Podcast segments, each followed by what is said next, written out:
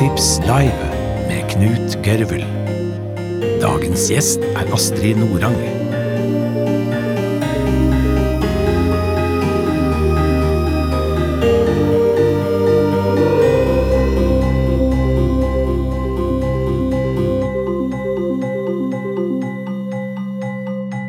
Astrid Norang er en av våre sentrale skjønnlitterære forfattere.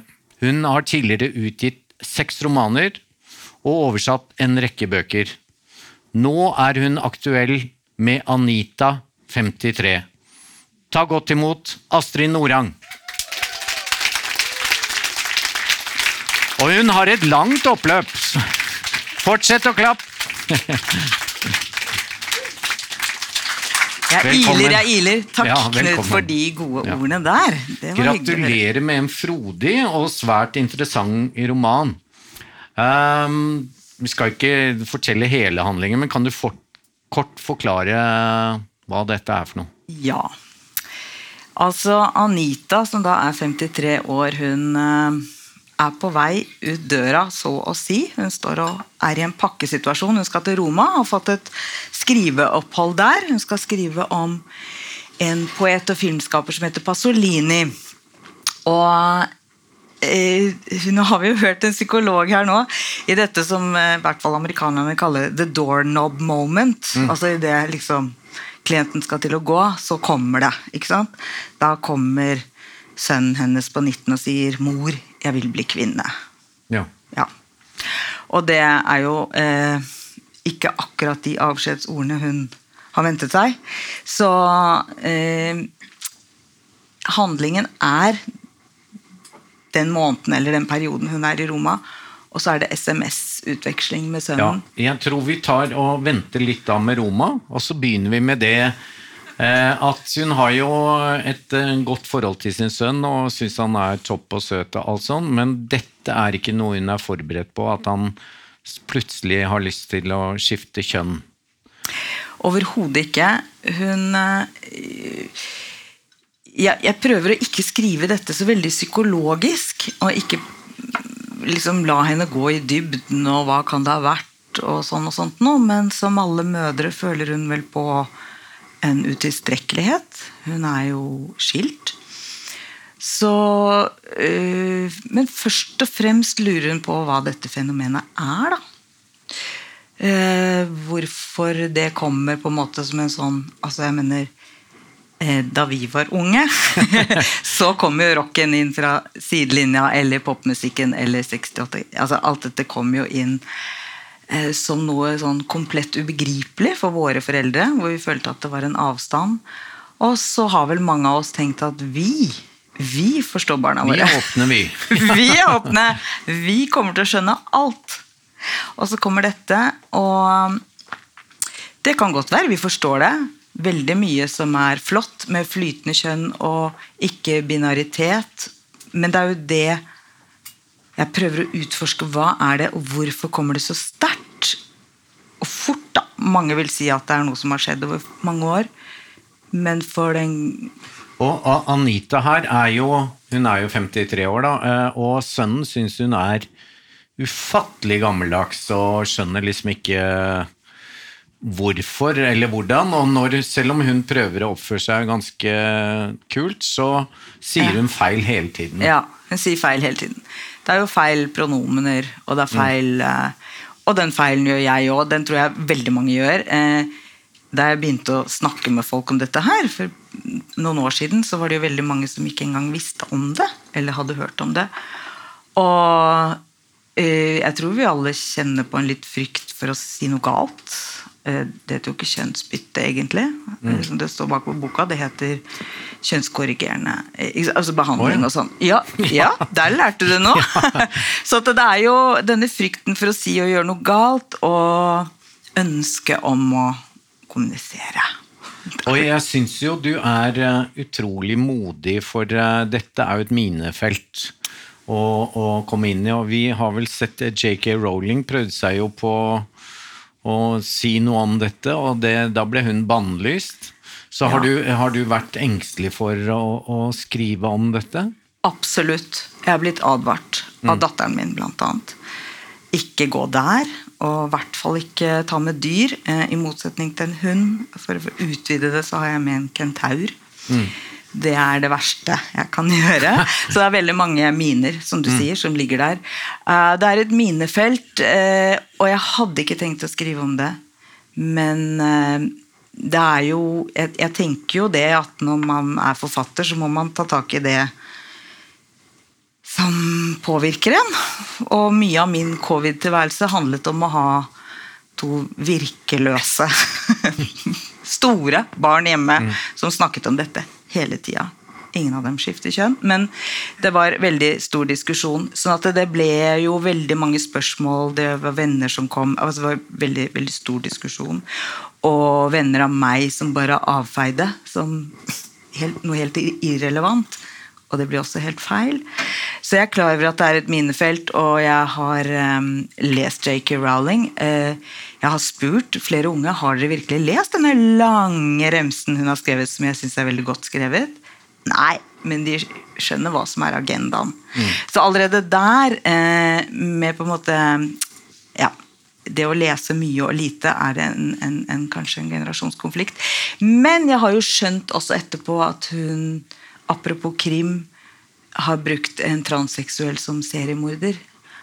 Og det Det er vanskelig å svelge. Det er litt uheldig. Det var litt tidlig. eh, Dårlig timing, tror jeg. Men jeg har jo også ungdom, eh, og, og jeg fortalte deg på en mail at eh, jeg opplevde litt eh, tilsvarende da, fordi jeg sa liksom er det en han eller hun liksom om disse vennene. Og så, og så sier pappa, pappa, du må jo skjønne at det kan være liksom andre ting òg. Ok, da, jeg skjønner at det er tre kjønn. Tre kjønn, pappa! Det er 54! Og da liksom, ja vel, da skjønner du at det er en generasjonskløft her. Det er flytende. Ja, så... Vi har mange ord vi skal finne opp. Nei, jeg vet ikke. Jeg vet ikke. Eh, men jeg tenker at det er veldig mye bra med dette òg, da. Derfor prøver jeg å holde det litt Ja åpent og Både du og Anita prøver å være åpne. Men, eh, og, så, eh, og, så, og så sendte jeg en mail da til For jeg vil jo gjerne at vi kan komme litt, bak, litt under huden på forfatterne. Og da skrev jeg har du noe fun facts om deg selv. Og så skrev hun ja, jeg, hadde, jeg er på kikkut, jeg er litt opptatt av trekk og sånn. Og det syns jeg var utrolig lite både fun og fact. Og så men så kom hun med endelig, for da, nå skal vi til Roma, nemlig. Så da kom du med en liten historie, så kan du ta den om eh, deg Ja. og da du var ung og skulle lære italiensk. Ja, jeg er jo oversetter også, så det var en av mine første fadeser. Vi var eh, Jeg var vel 21. Og vi skulle ut på en eh, restaurant og spise sjømat, og dette skulle være så fantastisk. Og dagen etter så ble jeg spurt da, i forbindelse med italiensk leksjon og grammatikk, hvordan var det i går, Astrid? Hallo, vi fikk jo bare ris med blåskjell, pasta med blåskjell, altså katse. Eh, pasta med katse, suppe med katse, og så begynte de å fnise og le. Og så lå de og krølla seg. Og jeg har liksom vært vant til å være litt klassens klovn, så jeg syntes dette var veldig gøy og artig. Og kanskje sa det på en morsom måte, og det at jeg klagde og var negativ og sånn. Så jeg fortsatte litt, og de lo seg i hjel. Og så er det jo den ene bokstaven feil, som det ofte er. Eh, katse betyr pikk, og kotse betyr blåskjell. Mm. Sånn var det. Pizza med pikk, nå skal vi til Roma. Ja, men jo, fordi altså, det har en litt sammenheng her, da. Fordi eh, eh, Anita skal ned og, som du sa, studere det merkelige Eller lage en eh, av- utredning av Marie Callas, operadivaens, eh, forhold til Pasolini, som jo var eh, veldig homofil. Så, Ja, han var ikke bifil. Nei. Han hadde ikke mange legninger. Han var eh, kjent, notorisk kjent for å gå ut eh, altså I disse metoo-tider så er det ganske sjokkerende. Uansett hvor han var, på filmfestivaler, overalt, så gikk han ut og fant en eller annen 15-åring. På filmsett var det masse 15-16 år gamle gutter som hang og slang rundt der. Og så får liksom Maria Callas det for seg at han er mannen. ikke sant? De har noe felles. Og det er hun som pusher på med en forlovelse. Så de er faktisk forlovet. Og får jo hele paparazzi-følget etter seg. Eh, Maria Callas vil jo de fleste kjenne til. Hun var da en enormt feiret eh, hadde holdt på i mange år, men eh, ikke en fallende stjerne, men hun begynte å miste stemmen, og hun hadde holdt på å skille seg i ni år med mannen sin, eh, den italienske ektemannen, som eh, ja, sugde ut penger fra henne, først og fremst etter hvert. Eh, og den store kjærligheten var eh, skipsrederen Aristoteles Onassis. Og hvis vi virkelig skal trekke fram det romantiske her, da Altså, Tenk å sjekke opp en dame når du ikke er interessert i opera engang, som vier hele livet sitt til opera, med å sende en bøtte med roser inn i garderoben og skrive 'From the other Greek'. Det var liksom de eneste grekerne i hele Europa eller verden. de, from the other Greek. Så de var jo da kjærester, og han bedro henne noe helt kolossalt ved å gå bak hennes rygg og gifte seg med Jackie Kennedy. Mest for å få tilgang til markedet i USA, noe han ikke fikk. Så de fortsatte å ha et forhold etter hvert. Eh, han drev og plagde henne på settet når hun spilte inn Medea med Pasolini. Men de hadde altså et helt spesielt forhold, og jeg forsker i det fordi jeg tenker at eh, det liksom Dette med transseksualitet det er jo ikke et isolert fenomen. Det handler om dysfori, det handler om å være, ville være en annen. Nettopp. Å ville gå ut av sitt gode skinn og ville bli noe annet. Og, og hva er det? Ja. Og jeg synes det som Du er jo da utrolig frekk som forfatter, fordi Én uh, ting er at du har Anita under huden, på en måte, men du, i annethvert kapittel omtrent, så har du gått inn i Maria Callas og henne, kan alt om hennes tanker og Jeg skriver replikker. dagboka hennes, ja. ja. Rett og slett. Verken mer eller mindre. Har du sugd av eget bryst, eller er det Jeg har det. Eh, mm. to brev her er ekte. Et mm. fra Pasolini til henne og et fra henne til Pasolini. Jeg har lest tre biografier av henne. Jeg har sett veldig mye uh, footage, som det heter. Så ja, det er frekt. Altså, mm. Det må man være, ja. syns jeg. Ja. Det, men det er veldig troverdig og spennende, da. Men uh, den filmen de da lager, det er Medea. Det er vel neppe heller tilfeldig her. Fortell litt om myten om Medea, eller hvorfor Medea-myten er jo, mm. det er jo en gresk tragedie. Vripedes. Uh, han har laget kong Ødipus tidligere. Da sa han 'jeg er kong Ødipus'. Nå, når han tilbyr henne rollen, det er hennes første filmrolle Hun har vært på leting etter en filmrolle lenge.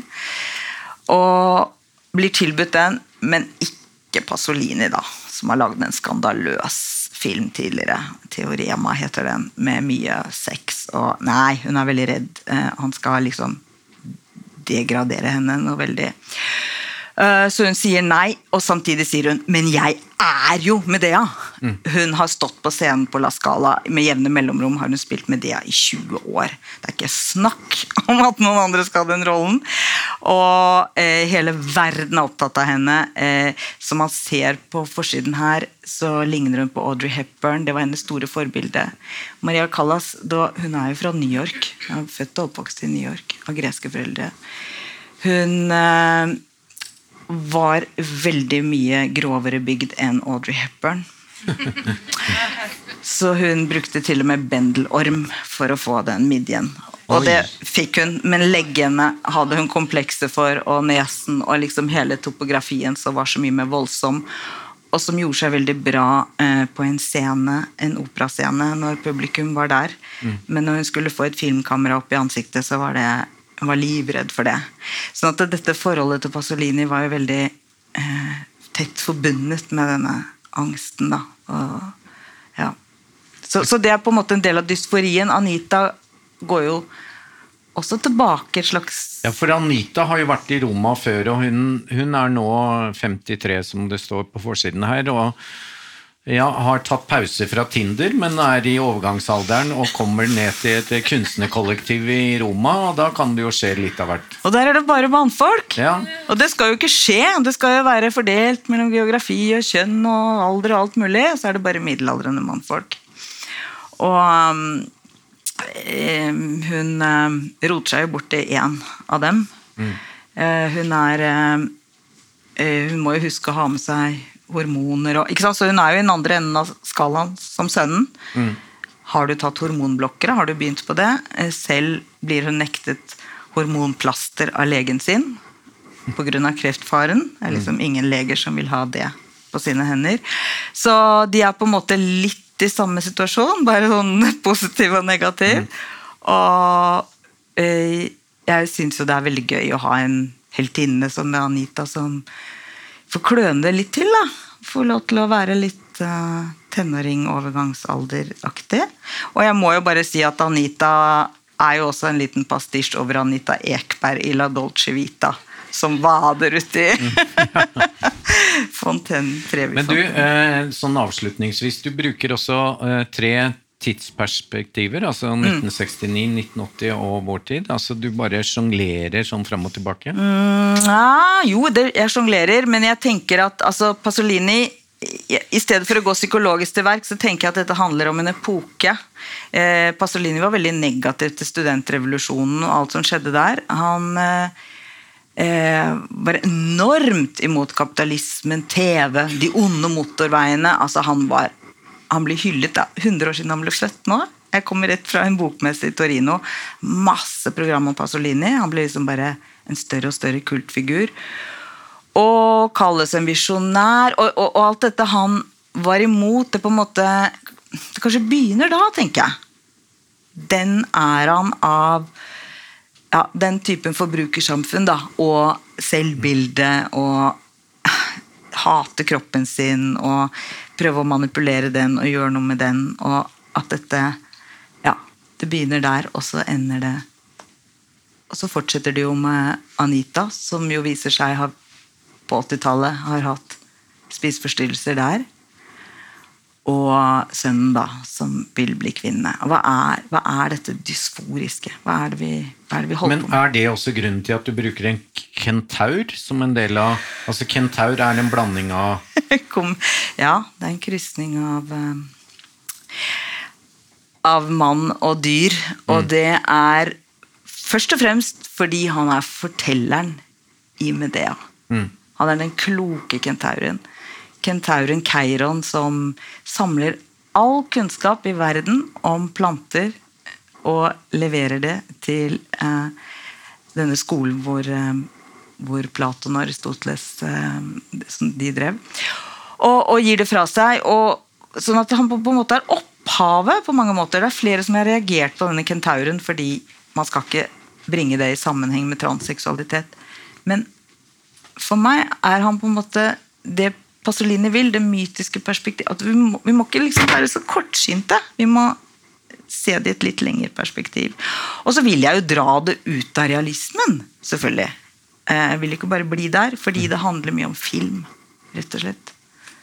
Og dere, Hvis dere da vil lese eh, en roman som tør å diskutere like tøft som JK Rowling, og som handler om eh, Maria Callas, Pasolini og overgangsalder og det aller meste, så er det denne boken. Tusen takk skal du ha. Like måte.